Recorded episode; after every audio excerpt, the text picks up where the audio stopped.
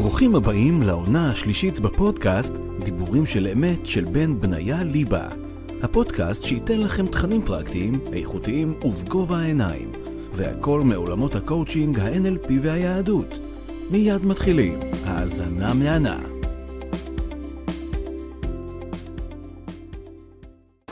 טוב חברים, ברוכים הבאים לעוד פודקאסט, דיבורים של אמת. איזה כיף שאתם פה איתי בעוד פרק. אה, מי שלא מכיר אותי בטעות, אז נעים להכיר, קוראים לי בן בניה ליבה, ואני מייסד את מכון MSC, שזאת המכללה הראשונה בישראל למודי קואוצ'ינג ו-NLP, ואני מאמן בכיר. היום פרק אה, מספר 69, אנחנו נדבר פה עם מי שאני מאוד אוהב ומעריך, עתי, עתי שליו. אהלן. ברוך הבא, ברוך הבא. תודה רבה. ברוך? הנמצא. בסדר, תודה רבה שהזמנת אותי. בדוק. תודה רבה. את עתי בטח אתם מכירים מערוץ 14, ואתם מכירים אותו בטח ממקרים מאוד מאוד ספציפיים, שאנחנו רוצים לדבר על זה בעצם. אה, הפרק של היום שאנחנו הולכים לדבר עליו בעצם, זה כל מה שבעצם אה, שומע ביזיונו וידום, ועל זה אני רוצה לדבר. אז ברשותך אני אפתח את השיח. שלך. אתה יודע, אני מגיע מהתקשורת גם, אבל לא כמוך. כאילו, אני, הניסיון שלי, ב, נקרא לזה בטלוויזיה, זה במצטבר אולי שנתיים. שזה, אתה יודע, פעם בשבוע שאני מגיע לתוכניות אירוח פה ושם, פעם, פעמיים, וזהו. כשאני מסתכל, מדי פעם, הרי מן הסתם אני רואה רק ערוץ 14, אני לא מתבייש להגיד את זה, אני גאה להגיד את זה. או, כמו זה, שצריך. כן, זה יותר יפה להגיד את זה, יותר טוב אפילו. אה, וקורים מקרים. עכשיו, אותך אני הכרתי עוד בתחילת הדרך שלי לפחות, אני מדבר על עצמי, אה, שישבנו עוד עם שי גולדן והדר מילר שם בפאנל, והיית כתב ספורט, ולאט לאט ככה, ברוך השם, התקדמת, ואתה עושה המון דברים אה, מעניינים. נכון, אבל עדיין כתב ספורט. כתב ספורט. באופן רשמי. כן, כן, זה ודאי. אז אחד מהדברים שאני רואה בעצם, זה שמוצאים אותך לכל מיני מקרים שהם לא נעימים, בעקבות מה שקורה במדינה, ו... ואני רואה את הברוטליות שאתה חוטף, כאילו זה, זאת המילה, כאילו ברוטליות. תהיתי לעצמי, איך אפשר לקחת את מי שאתה, אתה יודע, את אתה כביכול מהחיים האישיים, ואתה אתה איש שבטלוויזיה שסופג זמבורות, ודגלי ישראל, וצעקות והכל, ובכל זאת צריך להישאר ממוקד ושקט ולנהל את הרגשות. איך עושים את זה? תראה, אז קודם כל, אה, זה תכונות שאתה מגיע איתן מהבית. זאת אומרת, אה, הרוגע והשלווה, הרבה פעמים אנשים צוחקים עליי שלא סתם קוראים לך אתה איש שלו. אה, שלו. כן, כן. מאוד רגוע, אה, גם בחיים האישיים. כן. אז קודם כל זה תכונות שאתה מביא איתן מהבית. דבר שני זה, זה הצד המקצועי. זאת אומרת, אה, כשאתה לומד להיות כתב חדשות, וגם אחרי זה כשאתה כבר צובר ניסיון בתפקיד עצמו, אתה לומד שקודם כל, אה, ואחד הדברים הכי חשובים אה, בחדשות, זה שההצגה חייבת להימשך. כן. לא משנה מה קורה, מי מפריע לך, מה קורה בשטח, מה קורה באולפן, אה, צריך להמשיך. כי הצופים בבית רוצים לראות טלוויזיה, הם ישבו כדי לצפות בך, ואותם פחות מעניין מה באמת קורה. כן. אה, הם רוצים לשמוע את החדשות שלהם. אה, ולכן, שני הדברים האלו ביחד, אה, והחשיבות של זה שאני נמצא שם בתור נציג של ערוץ 14, דווקא במקומות האלה ששולחים אותי אליהם, הם אלה שגורמים לי באמת להתמקד ופחות להקשיב אה, לרעשי הרקע. כמובן שזה חודר אליי, כמובן שאני מרגיש את הדברים אה, כשהם קורים, אבל אני רגע מתנתק מהם, זאת אומרת, כשאני שם אני לא עתאי שלו, אלא אני כתב ערוץ 14, שצריך להביא לצופים אה, את מה שקורה בשטח. ולכן זה איזושהי חומה כזאת, שאותה אני שם אה, כשאני שם בשטח. זהו, אז איך עושים את זה? כי אני מאוד מסתקרן, כי אתה יודע, אני רואה את עצמי לדוגמה. לפעמים, אני, אני בן אדם רגוע מאוד באופי, אבל כשדברים סותרים את הערכים שלי לדוגמה, אז אני יכול להתפוצץ מבפנים. אתה יודע, אני... חשוב לי להדגיש ולציין, אני לא פוליטיקאי, אני לא מבין הרבה בפוליטיקה. אבל מה שקשה לי שאני רואה במדינה, שדגל ישראל הולך ומשחיתים אותו. פשוט משחיתים את הדגל. ואני מאוד ציוני, והייתי ביחידה קרבית בצבא, וגם נפצעתי, יש לי בגב שש פלטינות ושני מוטות ברזל. הייתי ביחידה מובחרת בתחילת השירות שלי, ועברתי ארבעה ניתוחים, ובלבנון השנייה התנדבתי להיכנס למלחמה, כאילו התנדבתי ממש בהתנדבות, עשיתי מה שעשיתי שם. ואני מאוד ציוני, אתה יודע, אוהב את המדינה, ודעות שלי מאוד מוצקות והכל. עכשיו, כשאני מהעולם שלי, שאני רואה את מה שעושים בברוטליות, אני אומר לעצמי, איך אפשר להתנתק מזה? כי פעם אחת ראיתי אותך אפילו בלייב, ישבתי באחד הערבים, בבית, אתה יודע, ככה בפרגולה, יושב, שותה קפה, פתאום אני רואה שאתה מדבר שם ברכבת, מישהו בא, בום בום, כאילו, ממש מכות. עכשיו, ראיתי, כאילו, קודם כל היו שם חבורה של אנשים שנחמדים, שמה שאני ראיתי בטלוויזיה לפחות, שככה הגנו עליך, נכון. שדחפו והכל, אבל איך אפשר להישאר רגוע? כאילו, מה הקסם? לומדים את זה? זה, זה באופי? אני חושב שזה באופי, אה, זה חייב להגיע מהאופי, אבל, אבל זה גם עניין של אה, פרספקטיבה. זאת אומרת, ואני, כשאני שם, אני לא, גם כשמקללים אותי, ובאמת, המילים שנאמרות שם, מילים שאני ממש לא אחזור על מה שקורה שם, כן. אבל אני לא לוקח אותם באופן אישי. כי, כי גם המפגינים, הם לא תוקפים אותי באופן אישי. זאת אומרת, הם לא מכירים את התאי מהרחוב או מהבית, ואה, הוא מעצבן אותי אז אני אתקוף אותו. כן. לא, זה לא המצב. אני נמצא שם כנציג של ערוץ 14, מבחינת המפגינים כנציג של הימין, אולי אפילו של הממשלה. כן. אה, זה גם, אגב, מה שמגביר אצלם את תחושות השנאה, כי בעצם הם מפגינים נגד הממשלה, אז הם רואים כביכול נציג של הממשלה, אז הנה, הוא בא אלינו, כן. אז אנחנו נפגין אה, נגדו ונפגע בו. אה, ו, ולכן העלבונות הם לא מגיעים אליי, הם, הם באופן כללי יותר. וככה אני מסתכל על זה. וגם בגלל זה כל כך חשוב לי להיות שם. כי, כי אני נציג. כי אני מביא לאנשים בבית את מה שקורה שם, ומביא להם את האמת. ולכן, אני חושב שאני מצליח להוציא את עצמי רגע מהסיטואציה, לשים את התאי רגע בצד, ואת העיתונאי שבי מקדימה, וזה מה שמגן עליי שם, כדי לא להסתכסך עם אנשים, וכן, תראה, ברגע שזה מגיע למגע פיזי, אני שם קו אדום. ברור. אף אחד לא יתקוף אותי באופן פיזי, נכון. כי, כי פה כבר זה סכנה, יכול להגיע לסכנה לחיים אם, לא, נכון. לא, אם לא נציב את הקו האדום הזה. אבל עד לשם, אה, אני חושב שאפילו, זה אפילו מוציא אותנו עוד יותר גדולים, כשאנחנו לא מתייחסים לזה. עכשיו השאלה, אתה יודע, אני אומר לעצמי, זה כמו איפוק. נניח, אני סתם נותן דוגמה, נניח קח את עולם הזוגיות. נניח גבר ואישה בזוגיות, וכל פעם אחד מהצדדים סופג. אז הוא סופג ושותק, סופג ושותק, סופג ושותק, עד שיום אחד הוא מתפוצץ, כמו הרגש. אז אני תמה, האם יצא לך מקרים, לדוגמה, שחזרת מהעבודה, היה עומס, כי אני, אני שנייה לוקח אותך רגע, לא רק בטלוויזיה, כי זה בן אדם בסופו של דבר. יכול להיות שאתה רעב, ואתה עייף, ואתה צמא, ולא ישנת טוב, וקיבלת הודעות גם בארבע בבוקר, שחס ושלום היה איזה מקרה, אני פשוט תאר לעצמי שזה ככה, כי זה נראה לי הכי הגיוני. ואז אתה מגיע לאותו מקום אחרי שכבר קיללו אותך, צעקו עליך, והיה לך פקקים, ואולי לא הספק גם לאכול, ואתה צריך גם בשידור להיות מפוקס, ובלי אוכל ורע, כאילו, זה טירוף. וצריך לעשות את הניתוק, אז אתה יכול להגיע עד לסף כלשהו שאתה בניתוק, מעין נקרא לזה במרכאות ניתוק רגשי, ואז אתה מגיע הביתה, ו- ומה קורה?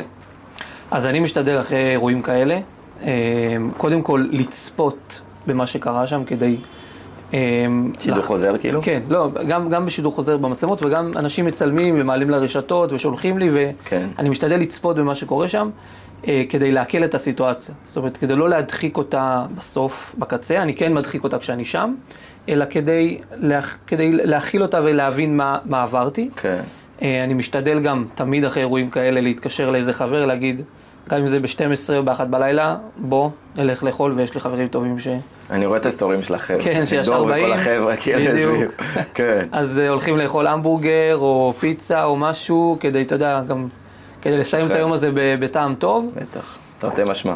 כן, בדיוק. אה, אנחנו כבר פעמיים תרתי משמע. כן. אה, אז, אז אני חושב שזה דברים שעוזרים, וגם למדתי, עוד פעם, למדתי גם בעניין של להדחיק, אז פשוט לשים את זה בצד. ועוד, וכשאני, וכשאני חוזר על זה, אז אני מכיל, אני עובר, כשאני צופה בזה שוב, אני עובר שוב פעם, את, אני חווה שוב פעם את מה, ש, את מה שעברתי שם. זאת אומרת, זה, זה קורה, אני מרגיש את זה. כאילו מה, חווה הכוונה רגשית? את אותה... כן, כן, ואני גם רואה את זה הרבה פעמים, הצילומים הם, מהצד, אני פתאום רואה דברים שלא ראיתי אותם כשהייתי שם. באותו רגע. כן, אה, לפעמים חמורים יותר, ומעצבנים יותר גם. בטח. אבל, אה, אבל בסוף, אה, אתה יודע, אני, לא, זה, אני, חושב שזה, אני חושב שזה גם עניין של אופי, של הכל בסדר וממשיכים הלאה. של קור רוח. כן. של קור רוח. אתה יודע, אצלנו, הרי אני מגיע מהעולם של הקואוצ'ינג וה-NLP ודברים כאלה בסגנון. אז זה מתחלק, אתה יודע, אני מדבר על זה הרבה בקורסים שלי, שאני הרבה אומר את זה, למה אנשים צועקים או בוכים. לא בוכים באבלות חלילה, באבלות, סליחה, בדברים רגילים של בכי. כי אדם לרוב שלא יודע לא להתמודד... הוא לא יודע להביע את עצמו. בדיוק. או, מצו... מדויק. זה בדיוק זה. הבן אדם לא יודע להתבטא. אז מה שהוא עושה, הוא צורח. או שהוא יכול להיות אלים, שזה גם דרך להביע מן הסתם כעס, שהוא לא בלתי מילולי נקרא לזה, וגם בכי, שהרבה אנשים פתאום בוכים, הם לא יודעים להתבטא. בגלל זה אני מדבר גם עם החבר'ה שלי, אני אומר להם שדברי החכמים בנחת נשמעים. ולאו דווקא, אתה יודע, דרך התורנית, אבל אתה יודע מה שהיה יפה, אני הייתי הרי בהפגנת הימין. הייתי שם עם כולם, ואתה יודע... גם אני הייתי שם. כן, בטוח, בטוח. האמת שחיפשתי אותך, אתה יודע. היה שם כל כך הרבה אנשים, אה, מאות אלפי אנשים. זהו, אז אמרתי, בטח. איפה כן, אתה, אבל בטח תפסו איזה פינה. כן. וכולם שם היו חמודים כאלה, אתה יודע, כזה, אח שלי, סליחה, תסלח לי, אתה יודע, כולם עדינים, איזה מתוקים, מלא, אח שלי, מניין אסירי, אסירי, אתה יודע, מתפללים שם מנחה וזה. ואני אומר לעצמי, איזה יופי זה שאתה גם מביע אג'נדה כלשהי, וגם אתה בא עם אה, דרך ארץ, שזה חלק מהדברים. עכשיו, תמיד השאלה שאני שואל את עצמי, זה האם לדעתך אנשים שהרבה גם סופגים, סופגים, סופגים, ומנסים להישאר שלווים, זה יכול להתפוצץ ביום אחד, או שזה משהו שהוא כאילו מתון? אה, לא פסיכולוג, אה, אבל אני יודע להגיד על עצמי, זאת אומרת, כן. אה, אני לא מרגיש שאני צריך את ההתפוצצות הזאת. זאת אומרת, יכול, יכול להיות שיגיע איזשהו, איזושהי הפגנה, שבה מישהו באמת, לא יודע, יפגע בי בצורה מאוד מאוד קשה, וזה יכול לקרות, כן. ואז אני אתפוצץ עליו. אה, זה לא מן הנמנע, זאת אומרת, זה יכול לקרות, ויכול להיות שאני אשליך עליו כבר את מה שספגתי, אבל אני לא מרגיש איזשהו צורך כזה. זאת אומרת, זה... אני לא, לא, לא, לא בטוח שזה נכון לכל אחד, אני חושב שזה נורא אינדיבידואלי. כן. ויש לי שאלה גם שמס, שמסקרנת אותי, תוך כדי שאתה עומד בפרונט, איך מצליחים לעשות את החלוקת קשב? כאילו, הרי זה נראה לי, זה טירוף, כי אני מסתכל, אני רואה אותך, אתה מדבר עם אה, מגי או עם שרון, או לא משנה, אתה יודע שאתה ככה נותן את הדיווח שלך, אז, אז בעצם אתה מדבר, מדברים איתך תוך כדי, ויש המולה, בלשון המעטה, ואתה דוך למצ... איך עושים את זה? בפעמים, הראשונות לא הצלחתי. זאת אומרת, בפעמים הראשונות הדיווח היה לא טוב, היה מבולבל, הייתי חוזר הרבה על הדברים, כי לא הייתי מצליח לסדר את זה בראש. כן. אה, ולאט לאט למדתי עד שהיום, כשיש שקט, אז יותר קשה לי מאשר כשיש רעש, כי הרעש היום מפקס אותי. אה, זאת אומרת, לקחתי איזשהו כיוון, קודם כל, אני מסתכל על המצלמה. מבחינתי יש, זה אני והמצלמה. אה, זה- אז זה הד- הדברים היחידים שנמצאים שם. כן. אני מסתכל לתוך המצלמה, לתוך העינית של המצלמה, ואליה אני מתרכז. אני לא שומע, כשאני מדווח, אני לא שומע שום דבר מסביבי. אה, כן, רעש, אבל ממש לא, לא מתרכז במה שאומרים, אלא בסיפור שאני צריך לספר, אה, בדיווח שאני צריך להביא, במה שקורה. כן. אה, ואת זה אני עושה, זה לקח לי זמן ללמוד את זה, איך אני עושה את זה, אה, אבל בסוף, ברגע שאני, תראה, הרבה פעמים אומרים לי שאני בן אדם מרוכז מדי. זאת אומרת שאני, אם הייתי לוקח רטלין, היה מעניין לבחון איך זה משפיע, שבן אדם מרוכז, הוא מרוכז עוד יותר. זה רובוט. כן. אה, אבל צריך לקחת רטלין הפוך, שקצת אה, מוציא מריכוז. כן. אז, אז אולי זה אחד הדברים שעוזרים לי, זאת אומרת, ממש להתפקס על הדבר וכאילו להתעלם ממש מכל מה שקורה. עכשיו, אם ניקח את התחום הזה, הרי של כל הפודקאסט, של הרעיון הזה, שזה לשמוע את הביזיון ו- ו- ולדון. אם עכשיו, הרי רואים אותנו, הפרק עולה בספוטיפיי, אפל וכולי, אומרים אנשים שהם עברו ביזיונות בחיים שלהם, וקרה להם דברים מאוד מאוד קשים. איזה טיפים, לדוגמה, אתה יכול להגיד לאותם אנשים בשביל שיתגברו על עצמם, דברים קשים שהם חוו? תראה, אז אני חושב שהסיטואציה היא קצת שונה, כי כמו שאמרתי, פה הביזיונות הם לא מכוונים אליי באופן ברור, אישי. ברור. זאת אומרת, יש אנשים ש...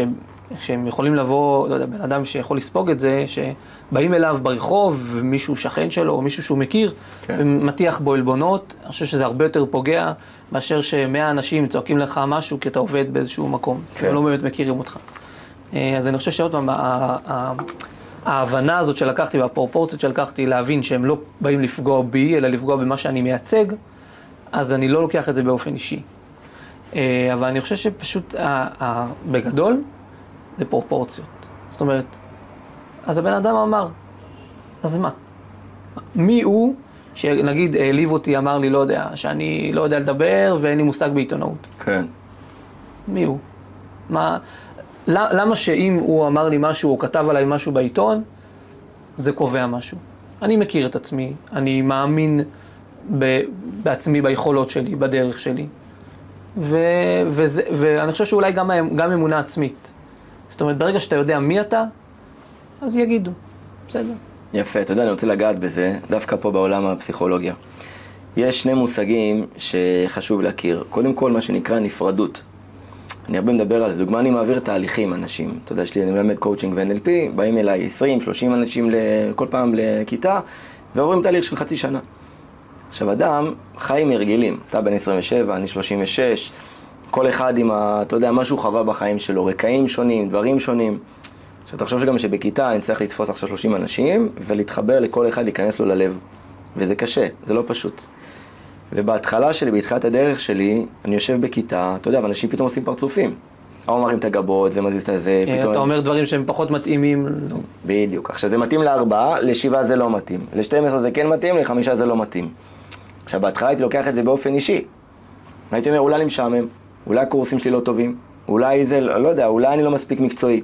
אתה יודע, אלף ואחד דברים שעולים לי תוך כדי, והפרצופים לפעמים גם מאמתים לך את המחשבה. ואתה אומר לעצמך, קיבינימיני, כאילו, מה עושים דבר כזה? ואז התחלתי להגיד לעצמי בראש שזה לא בהכרח קשור אליי.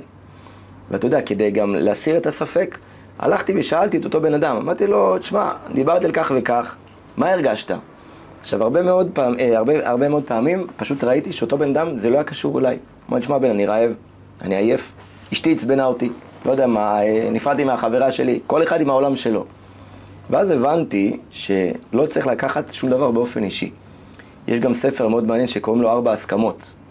ארבע הסכמות מדבר שאסור לדבר לשון הרע, ולעשות את המאה אחוז שלך, ולא לקחת שום דבר באופן אישי, ועוד איזה משהו שכחתי. ספר אה, ממש אה, נחמד.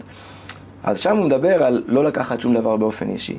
אז דווקא אנשים ששומעים ומאזינים וחווים את אותם ביזיונות, כל אחד מהעולם שלו, צריך קודם כל לדעת את לעשות את הנפרדות, אתה יודע, שיגיד, זה שלו, זה לא קשור אליי. אם אתה עכשיו עתאי ואתה משדר ומישהו בא, צורח ומשתולל, כמו שאמרת בהתחלה, זה לא קשור אליי. אני בא כנציג. נכון. אני בא כנציג, צריך לדעת לעשות את הנפרדות, שזה דבר ראשון. דבר שני, שרציתי לומר גם, זה שאמרת שהבן אדם צריך לדעת להעריך את עצמו. שאדם בעצם צריך שתהיה לו את הערכה העצמית. עכשיו, זה בפסיכולוגיה נקרא זהות. אתה יודע, הרבה מאוד אנשים, הם לא יודעים מי הם. הם לא יודעים מי הם, אתה יודע, וזה הדבר הכי קשה, לחיות בדיסוננס קוגניטיבי. שאתה בא כביכול עם אופי, אתה אומר לעצמך, כן, קוראים לי, סתם דוגמא, ניב כהן, ומה אתה? הייטקיסט. אבל בתכלס הוא רקוב מבפנים.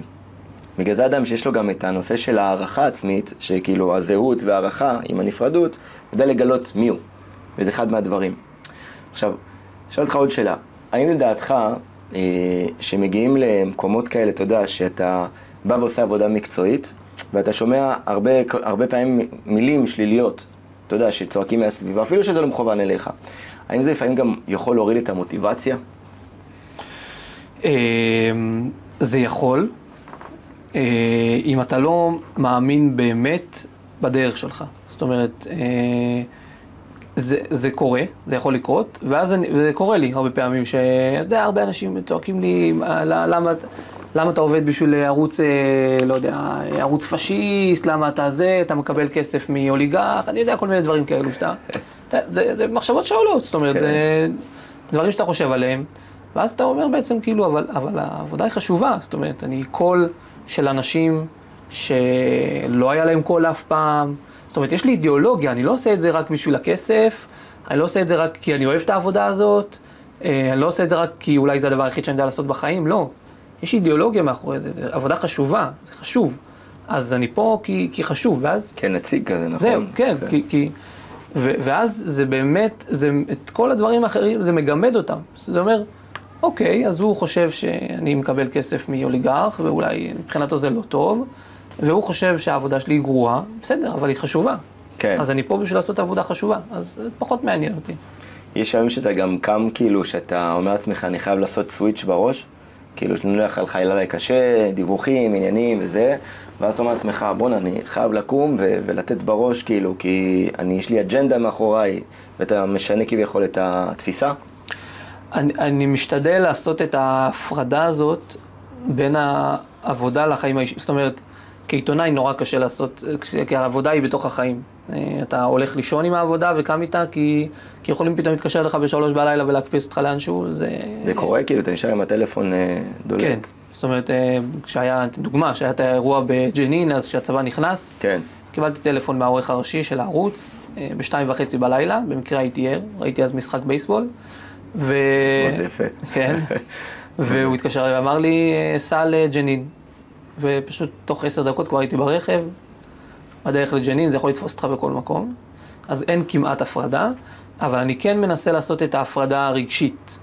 זאת אומרת, כשאני בעבודה, אני בעבודה, ואני יודע כשאני הולך להפגנה מסוימת, אה, אז אני יודע רגע לנשום, להבין לאן אני הולך, כן. לתרגל את עצמי מה אני צריך לעשות שם ומה לא לעשות. אה, ואז אחרי שאני, כשאני מסיים, אז כאילו, אוקיי, הייתה עבודה, בסדר? עכשיו, בחיים האישיים, כל מה שקרה, אני משתדל לא להכניס אותו לשם. זה, אבל זה, זה אפשרי או שזה מעין הדחקה כלשהי? אתה מבין? כי אני, אני רק אשחיל עוד משפט ברשותך. דוגמה, אני, אספר לך על עצמי, אני בן אדם, אתה יודע, בעבודה אני אריה, כן? בחיים שלי האישיים אני מאוד רגיש. אני רגיש, אני אומר לך, אם לא הייתי רגיש לא הייתי עובד בתחום שלי.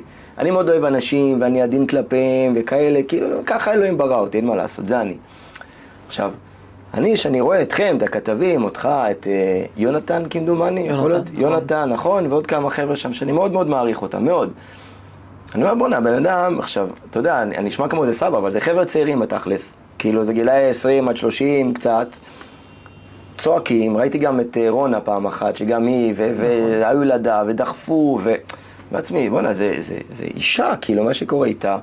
ויש גם את אה, משמש, שיראל, את שיראל, נכון. שיראל, נכון, שהייתה שיראל. בהיריון ותקפו אותה. נכון, שתוקפים. אני אומר לעצמי, איך אפשר לעשות נפרדות מדבר כזה? כי אני אומר לעצמי, אתה יודע, אני כ- כצופה, עזוב שנייה שאני מה שיש לי בערוץ 14, כן? כצופה, אני מסתכל, אני אומר לך, אני יושב, אני ככה, אני אומר לעצמי, בואנה, איך חוזרים הביתה אחר כך, ואתה יושב, לא יודע, סתם אני זורק, מדליק סיגריה, כמו שאומרים, כן? איך עושים את זה? כאילו, איך זה יכול להיות? זה, אה, כמו שאמרתי, זה העניין של ה... להוציא את עצמך. זאת אומרת, לפחות ככה אני עובד, אני לא יודע איך אחרים אה, מתמודדים עם זה. כן.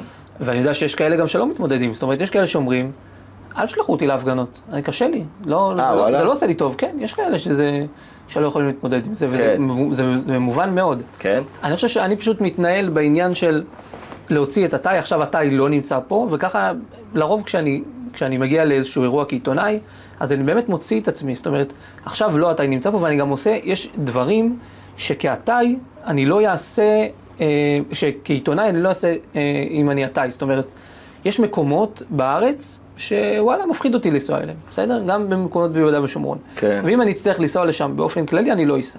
כששולחים אותי למשימה עיתונאית, אני לא חושב פעמיים.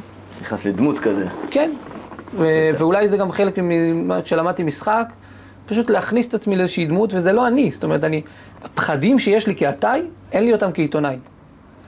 אה, מטורף, זה, אתה יודע, זה חלוקה מטורפת, כן, דבר כזה. אז, אז, אז אני מוציא את עצמי רגע, ואז כל העלבונות וכל הקללות וכל הצעקות שאני סופג, הם בעצם, לא התאי ספג אותם, אלא העיתונאי שהגיע לשטח ודיווח על מה שקורה.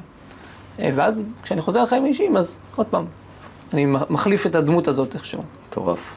תגיד, ועוד שאלה, נניח, אם בא לך כמובן לענות על זה, מי, מי זה עתי בחיים חוץ מהעבודה? מה אתה אוהב, מה מצחיק אותך, מה, כאילו, מי הבן אדם?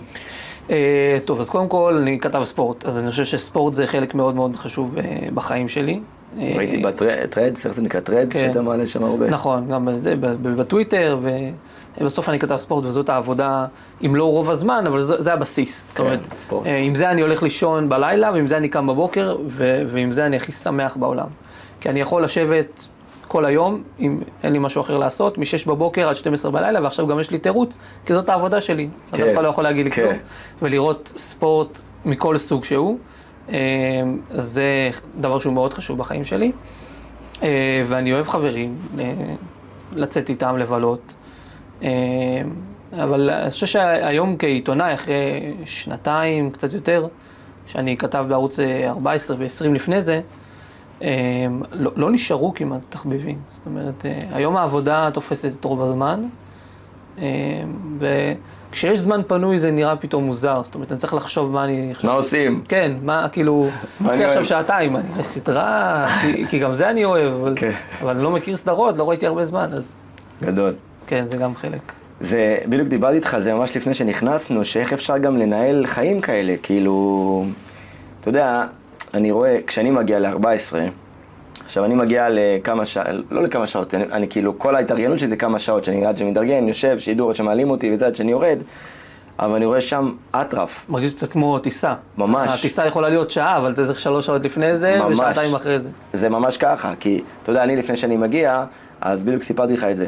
אומרים לי, אה, אומרת לי העורכת שם, של עדן ועודד, בן, ת, תעשה לך את האייטם, תשלח, אני חושב על האייטם. עכשיו, אני גם במתח, כי אני לא עובד של ערוץ 14, אני ממש, בשבילי זה, זה שליחות.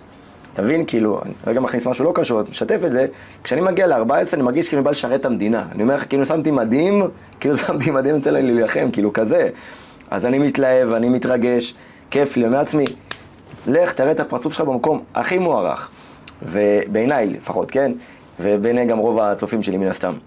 אתה יודע, אני בא עם הכיפה על הראש, יושב שם, ואפילו עם הכיפה כזה, שזה נשמע מצחיק, אני מדבר שם גם מיהדות, אתה מבין? מספר, רבי נחמן, גמרא, עניינים, פה ושם עכשיו, זורמים איתי, ועדן ועודד זורמים איתי, ואני לעצמי, איזה כיף. עכשיו, כל הקטע של זה, שאני מתארגן לפני, נוסע, יושב ועושה את מה שצריך, אתה יודע, אה, מסיים את הדבר והולך. עכשיו, כשאני מגיע לשם, מה שרציתי לומר, זה שהרבה אנשים שם כל הזמן באטרף. כל הזמן, אני רואה את, החבר'ה, מי שאני ואתה מכירים, אתה יודע, הולכים, חוזרים, טה, טה, טה. אז אני תמה איך זה משפיע גם על החיים האישיים. דוגמה, עם בן אדם שיש לו אה, משפחה, ילדים וכאלה, אם זה משהו שמשפיע או שזה... תראה, אז אין לי, אין לי ילדים עדיין, כן. אה, ואני גם לא בזוגיות, אבל, אבל כשהייתי, אה, ואני מניח מי שיש לו, זה מאוד משפיע. זאת אומרת, אה, אה, כל העניין הזה שאין לך, שאתה לא יכול לקבוע דברים. אה, זאת אומרת, אני היום לא יכול לקבוע עם אנשים אה, לתשע בערב ולדעת שאני מגיע. זאת אומרת, אני יכול להגיד להם, אוקיי, בוא ננסה, יש סיכוי שאני אבטל. כן. אבל, אבל אני לא יכול לקבוע בוודאות. אה, וזה חלק מאוד מאוד משמעותי מהעבודה הזאת, שמשפיע שאתה בעצם, אתה לא, אתה לקבוע דייט לערב, אתה לא יכול. כן. לדייטים יוצא בבוקר. אומרת, וואלה. זה, כן, זה, זה הזמנים שאני יכול לדעת, שאני לא אבריז לבחורה בטעות, ואז יהיה פדיחה, אתה מבין? איזה אפסיד. אה, אתה רואה גם הכל באור, אז אני לא יכול להסוות שום דבר. כן, זה- שזה גם טוב. כן. יש בזה איזשהו יתרון. יפה. אה, אבל זה משפיע, ואני חושב שאני יודע, אני יודע, אני לא לא חושב, אני יודע, שכשאני אהיה בזוגיות אה, ואני ארצה להתחתן, אז ברור לי שאני אצטרך לשים קווים אדומים. כן. אה, זאת אומרת, לדעת לתת לעבודה, להגיע עד גבול מסוים, אה, ולתת גם מקום לחיים האישיים. כרגע אני עוד לא במקום כזה. זאת אומרת, אני במקום שאני יכול לתת לעבודה עוד להיות אה, 24-6. להתפתח, כמו שאומרים כן. בזה. זה כיף. אתה יודע, אני אכניס עוד איזה משהו גם שקשור בעצם לנושא שלנו. כל הנושא של ה... בעצם באמת על, ה, על הנושא של ביזיונות. כי גם אדם שמגיע גם למקום כזה, מן הסתם, אתה יודע, של גם של קריירה והכל, אז גם הפנים שלו יותר מוכרות. ואם לי זה קורה, אני מתאר לעצמי, אני מתאר לעצמי שלך כפול שתיים זה קורה, שהולכים ברחוב, ופתאום שומעים גם, אם זה דברי שבח או דברי גנות, אתה יודע, לכאן ולשם. ואחד מהדברים שאני לימדתי את עצמי, אתה יודע, אני מדבר על זה גם הרבה, מה שנקרא, זה נקרא בקואוצ'ינג ניהול רגשות. אדם צריך ללמוד לנהל את הרגשות שלו בצורה נכונה. אתה יודע, אני עושה אגרוף תאילנדי. איך זה מסתדר? אבל סתם, כאילו, מעניין אותי, הרי רגש זה לא משהו שאתה... רגש זה איזשהו משהו מתפרץ כזה, לא? יפה, אמרת יפה. אז קודם כל יש מה שנקרא זיהוי רגשות. אני רוצה לדעת איזה רגש ספציפית אני מזהה. כעס, עצב, עלבון, שמחה, אושר, סיפוק, אהבה. אני מזהה את הרגש. ויש בפסיכולוגיה מושג שנקרא נקודת האל-חזור. כשאתה יודע לזהות נניח מ-1 עד 10, אתה אומר לעצמך, 7 זה אל חזור שלי. ואז שנייה לפני אני עוצר, כאילו בשש וחצי. לדוגמה, אתה יכול להיות בהפגנה, עד שאתה יודע שאצלך אל חזור שנוגעים בך, שזה כבר 9 או 10. אתה אומר לעצמך, עד כאן אני יודע איך שהוא שורד את זה. ואז אתה יודע לשים את הרגע לפני. אתה מבין את הכוונה? אז אני, אני כבר תקופה ארוכה, כאילו, כבר כמה שנים, אני עושה אגרוף תאילנדי ו-MMA, מה שנקרא מיקס מרשל ארטס. אני אוהב, אתה יודע, לפרוק, אני, אני לא מקצועי, אתה יודע, מתחרה, אבל יש לנו פעמיים, שלוש בשבוע, נהנה מזה מאוד. יום חמישי, שבוע שעבר, ממש לפני שבוע, התאמנתי בערב יום חמישי, משמונה וחצי עד עשר. עמדתי, התאבקתי מול איזה בן אדם, בחור חזק, אתה יודע, כזה גדול. עכשיו, אני גם, זה מפחיד. תכף זה מפחיד, כי עכשיו חשוב לציין, זה, זה לא אלימות עכשיו של ערסים, אתה יודע, "יואו, זה אח שלי. זה מקצועי. ספורטיבי, זה ספורט. אבל עדיין יש אנשים שהם זריזים, חזקים, תמיד יש מישהו יותר חזק. אז נעמדתי מולו, עכשיו אתה יודע, מהפחד נסגרתי ותקפתי אותו כאילו יותר מהר, כי הייתי במנגנון הישרדות כזה עם עצמי. למרות שאני בהגנה והכל. פתאום מתי השתנה לו הסוויץ' בראש, פתאום נהיה לו פרצוף רע. אחי, אתה לא מאמין. פה, פה, פה, פה, פה, פה. איזה עשר שניות שאני אני רואה רוע בפנים. אתה יודע, אני שומר על הפרצוף שלי ככה, ובראש תוך כדי עפות לי אולי 30 אלף מחשבות. אני אהרוג אותו, אני זה מצד אחד, מצד שני אומר, בן, הוא לא מתכוון. עכשיו, אתה יודע, זה כאילו, זה לא הגיוני גם, והוא חזק, הוא חזק. ואני עושה ככה, והוא נותן לי מכות לכבד ולצלעות. ואני שומר ככה, הוא נותן לי לראש. אחרי סשן של 10-15 שניות שהוא מרביץ את החיים, הסתכלתי, אני, אתה יודע, קמתי כזה אחרי המכות שקיבלתי, אתה יודע, היה לי מבט כזה של אחי, מה, מה קרה לך? אתה יודע, וזה לא, אנחנו לא, חלילה לא אויבים, לא כלום. אומר לי, תשמע, אני מצטער, אני לא יודע מה קרה לי. הוא אומר לא יודע מה קרה לי. נכנסתי לאטרף והגזמתי, הוא אומר לי, הגזמתי, הוא בא, חיבק אותי, אומר לי, הגזמתי. שמעתי לו, למה אתה עושה את זה? הוא אומר לי, כי הרבצת לי קצת חזק. אמרתי, בסדר, אנחנו לא בלרינות, כאילו, זה, זה מכות.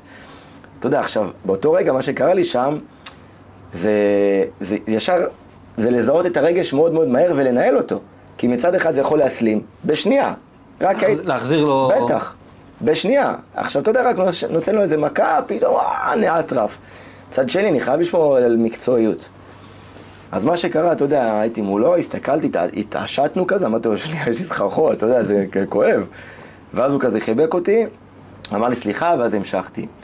אתה יודע, ואז אמרתי לעצמי, אתה יודע, זה, סתם אספר לך מהעולם שלי, זה כמו עם, אה, עם דוד המלך, שקיללו אותו, ושימי בן גרה, ואז אמר לו, אתה קללה נמרצת, משהו, מנואף, רוצח, אתה יודע, קילל אותו בכמה קללות, ואז הוא אמר, הנח, כי השם אמר לו כלל. ואז אתה יודע, כאילו, שם אמרו אחר כך שדוד המלך הוא רגל רביעית למרכבה וכולי. אני לא דוד המלך, אבל אמרתי לעצמי, מה הקדוש ברוך הוא רצה ממני באותו רגע. לא יודע, הסתכלתי, קיבלתי מכות של השמחות, ואמרתי, מה למדתי מזה? בגלל זה אני אומר, אני אקשר את זה בכוונה לנושא הזה, שאני אומר, בן אדם שמקבל מכות, לאו דווקא פיזיות, כן. צריך לשאול מה הוא יכול ללמוד, מה, מה, מה זה בא ללמד אותו, דברים כאלו ואחרים. אז בואו ככה נעשה את זה לסיכום. אז אם עכשיו, אתה יודע, מן הסתם אנשים כבר יושבים וצופים והכל, ובטוח יש אנשים עכשיו שאומרים, תשמע, חוויתי, כאילו הבן אדם שאני הכי אוהבת פגע בי ונפגעתי. אה, אנשים, אתה יודע, אני אספר לך על מהעולם שלי, אני רווק, אז אני עדיין, ברוך השם, עדיין לא התחתנתי, ואני אומר ברוך השם כי גם זה לטובה. ואתה יודע, ומן הסתם יושבים ושומעים, ואתה בררן, ואתה בעייתי, ואתה אולי שמעת את זה גם בחיים שלך, לא פעם, לך גם, כן, ותתפשר, אחי, ומה מה אתה זה, מה לאן אתה רוצה להגיע? בכל כתף יושבת סבתא.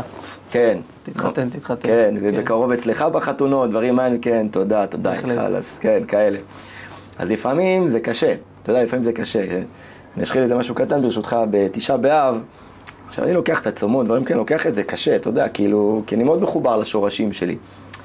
הגעתי בתשעה באב לבית כנסת, זה מצחיק, אני יושב, ואתה יודע, יושבים על הרצפה, והבית כנסת חשוכה, והכל. יצאנו החוצה, פתאום ישבו פרלמנט של איזה חמישה, שישה גברים, ונשואים כולם ילדים, ואין להם לאן לבן. עכשיו, אתה יודע, אני יושב שם, נו, מה איתך? ואז אומרים אחד לשני, הוא אף פעם לא התחתן, הוא לא רוצה להתחתן, הוא בררן. הוא אומר, כן, הוא זהו שרו, אתה יודע, יושבים ככה, תשעה באב, אני יושב, אני בצום, כאילו, תניחו לי. אתה יודע, יושבים כולם, ואני באותו רגע, אני אומר לעצמי, בוא'נה, זה, זה ביזיונות, כאילו, לשמוע ביזיונות. כי איך, יש משפט שאומר, פנס בא וכיחשתי ואמרתי מי השם. אדם ששבע, הוא כבר מה אכפת לו מהקדוש ברוך הוא שבע, יש לו אישה, יש לו ילדים, יש לו הכל. אתה יודע, שומע את הדברים האלה, אני סותם את הפה, באותו רגע זה היה ממש ממש ניהול רגש, קמתי והלכתי, אמרתי, אתה יודע, אני לא רוצה גם להיכנס למקומות שאי אפשר לצאת מהם. אז אני שואל, ככה שאומר, יותר נכון, יותר נכון מבקש, שהחבר'ה שרואים אותנו, צופים בנו, אה, שומעים וכולי, חווים ביזיונות כאלו ואחרים. ואתה באחד שבאמת, לדעתי, אפשר לבקש ממך ברכות על מה שאתה חווה ו- ועובר. איזה טיפ או שניים אתה יכול להגיד להם ככה, שישבו להם את הדעת? מה, איך... איך להתמודד. איך להתמודד עם זה? כן. אז אני חושב שדיברנו על זה גם אה, במהלך השיחה. כן. אה, אני חושב שקודם כל לקחת, אה, אחד, לקחת את זה בפרופורציה, זאת אומרת, אוקיי, קילל, אמר, מי הוא? זאת אומרת, זה, זה לא משפיע עליי ברמת המחשבה על מה שהוא אמר, דבר ראשון. דבר שני, לא לקחת אישי. זאת אומרת, בסוף, זה שהוא אמר את הדברים, זה שלו. כן. זה כמו שאמרת, זה שלו, זה לא, זה לא עניין שלי. אה, אני מכיר את עצמי, אני יודע מי אני, אני יודע מה אני שווה, ו, ו, ובסוף גם, אה, אני חושב שהפרופורציות וה... כאילו, בסדר, אז אמר, החיים, החיים יותר ארוכים ויותר חשובים מאשר עכשיו לאבד את העשתונות. אה, כן, הנפרדות, מה שאמרת, הנפרדות וה, והזהות. בדיוק. מהמם. ואני אגיד עוד איזה משפט גם לחבר'ה. בסופו של דבר, כשאתם עוברים אה, ביזיונות, אתם חווים דברים, דברים שלא פשוטים, הרעיון של האדם זה באמת לדעת איך אומרים לפעמים לבלוע את הרוק. כי שם אנחנו לומדים מילה אחת יפה שנקראת ענווה. כי בסופו של דבר, כשאנחנו שומעים את, אותם דברים, יכול שזה בא ללמד אותנו, יכול שזה לא תמיד נעים, זה לא תמיד כיף, ולפעמים זה גם מאוד מאוד קשה. כי זה לפגוע בקרביים של הבן אדם, בשורש של הגאווה שלו. אבל ברגע שדבר כזה קורה לנו, אנחנו צריכים לשמוח כי זה עושה אותנו יותר חזקים. בסופו של דבר, הדבר, לדעתי, הכי טוב מזה, של צא, זה נקרא מה שנקרא חוסן מנטלי. כי אנחנו לומדים לשתוק איפה שהכי קשה לנו. כי גם כשאתה הולך ואתה, לא משנה בהפגנות או לא משנה צועקים, אתה צריך להגיד, זה לא אתה, זה הנציג של הממשלה, של ערוץ 14 וכולי. אתה יודע, שאתה שם, שזה אחד. ושאתה בחיים האישיים, שיכול להיות גם שאולי, אתה תחווה, חלילה, כן, אבל לצורך העניין, ביזיון כזה או אחר, שמישהו יצעק עליך מול כולם, שזה מאוד מביך. ואז כשאדם יודע לחוות את אותם דברים, זה עושה אותו יותר חזק. בגלל זה אני גם אומר לחבר'ה, שאם אתם שומעים דברים שביזו אתכם, צעקו עליכם, קיללו אתכם, שאת רווקה בגיל מאוחר, שאתה התגרשת ואתה בעייתי, לך אין כסף, ההוא עצלן, ההוא זה, צעקו עליכם מול כולם, תורידו את הראש, תגידו תודה, כי זה בא ללמד אתכם משהו. זהו, עטאי, תודה רבה. ממש... תודה שהזמנת. תודה רבה, היה לי ממש ממש ממש כיף. תמשיך לעשות עבודה מבורכת. אני רוצה להגיד לך שבתור צופה, יש מאות אלפים שמאוד אוהבים אותך, ואת הערוץ, ותומכים, ואפילו, אני זוכר שאני שלחתי לך את ההודעה. וכשאני ברחוב אני גם, אני גם חווה את זה, זאת אומרת, אני מקבל אה, הרבה מאוד אהבה מאנשים, ואנשים אומרים לי את מה שאתה אומר, אני ראיתי בטלוויזיה מה קרה לך, ובא לי להיכנס לתוכה ו- ולבוא לשם. אה, אנשים, אה, יש הרבה אהבה ורואים, זאת אומרת, זה לא נעלם מהעיניים של האנשים. כן, כן, כי בכל צד אחד שתוקף, יש עוד צד אחד שגם מעריך את הצד, נקרא לזה, אני קורא לפחות הצד הטוב, אה, בשבילי זה הצד השפוי. סליחה, בלי לפגוע באף אחד, אבל זו הדעה שלי. אז חבר'ה, תנו בראש, תמשיכו לעקוב. אתם יכולים לעקוב גם אחרי התאי, נכון? כן, באינסטגרם. באינסטגרם, טוויטר, פייסבוק. עתי שליו פשוט, ב Threads, נכון, כן, עתי שליו. תחפשו את האיש שלו, וכמובן תפגשו אותו בערוץ 14. אה, ומי שירצה להמשיך לראות את שאר התכנים, אז אה, יש לכם ממש בסגיר, בעוד רגע תשמעו גם את הטלפון. אם אתם חושבים ללמוד coaching, NLP, לעבור תהליכים כאלו ואחרים, אז פשוט אה, יש לכם את כל הפרטים פה מתחת לסרטון, וזהו. אז תודה רבה, עתי שוב תודה, ונתראה. ביי ביי. תודה רבה שהאזנתם לפודקאסט דיבורים של אמת של בן בניה ליבה. לעוד תכנים של בן אתם מוזמנים לעקוב באינסטגרם, בפייסבוק, יוטיוב ועוד. לפרטים נוספים על הקורסים שלנו ותהליכים אישיים חייגו 054-2575-336 להתראות בפרק הבא.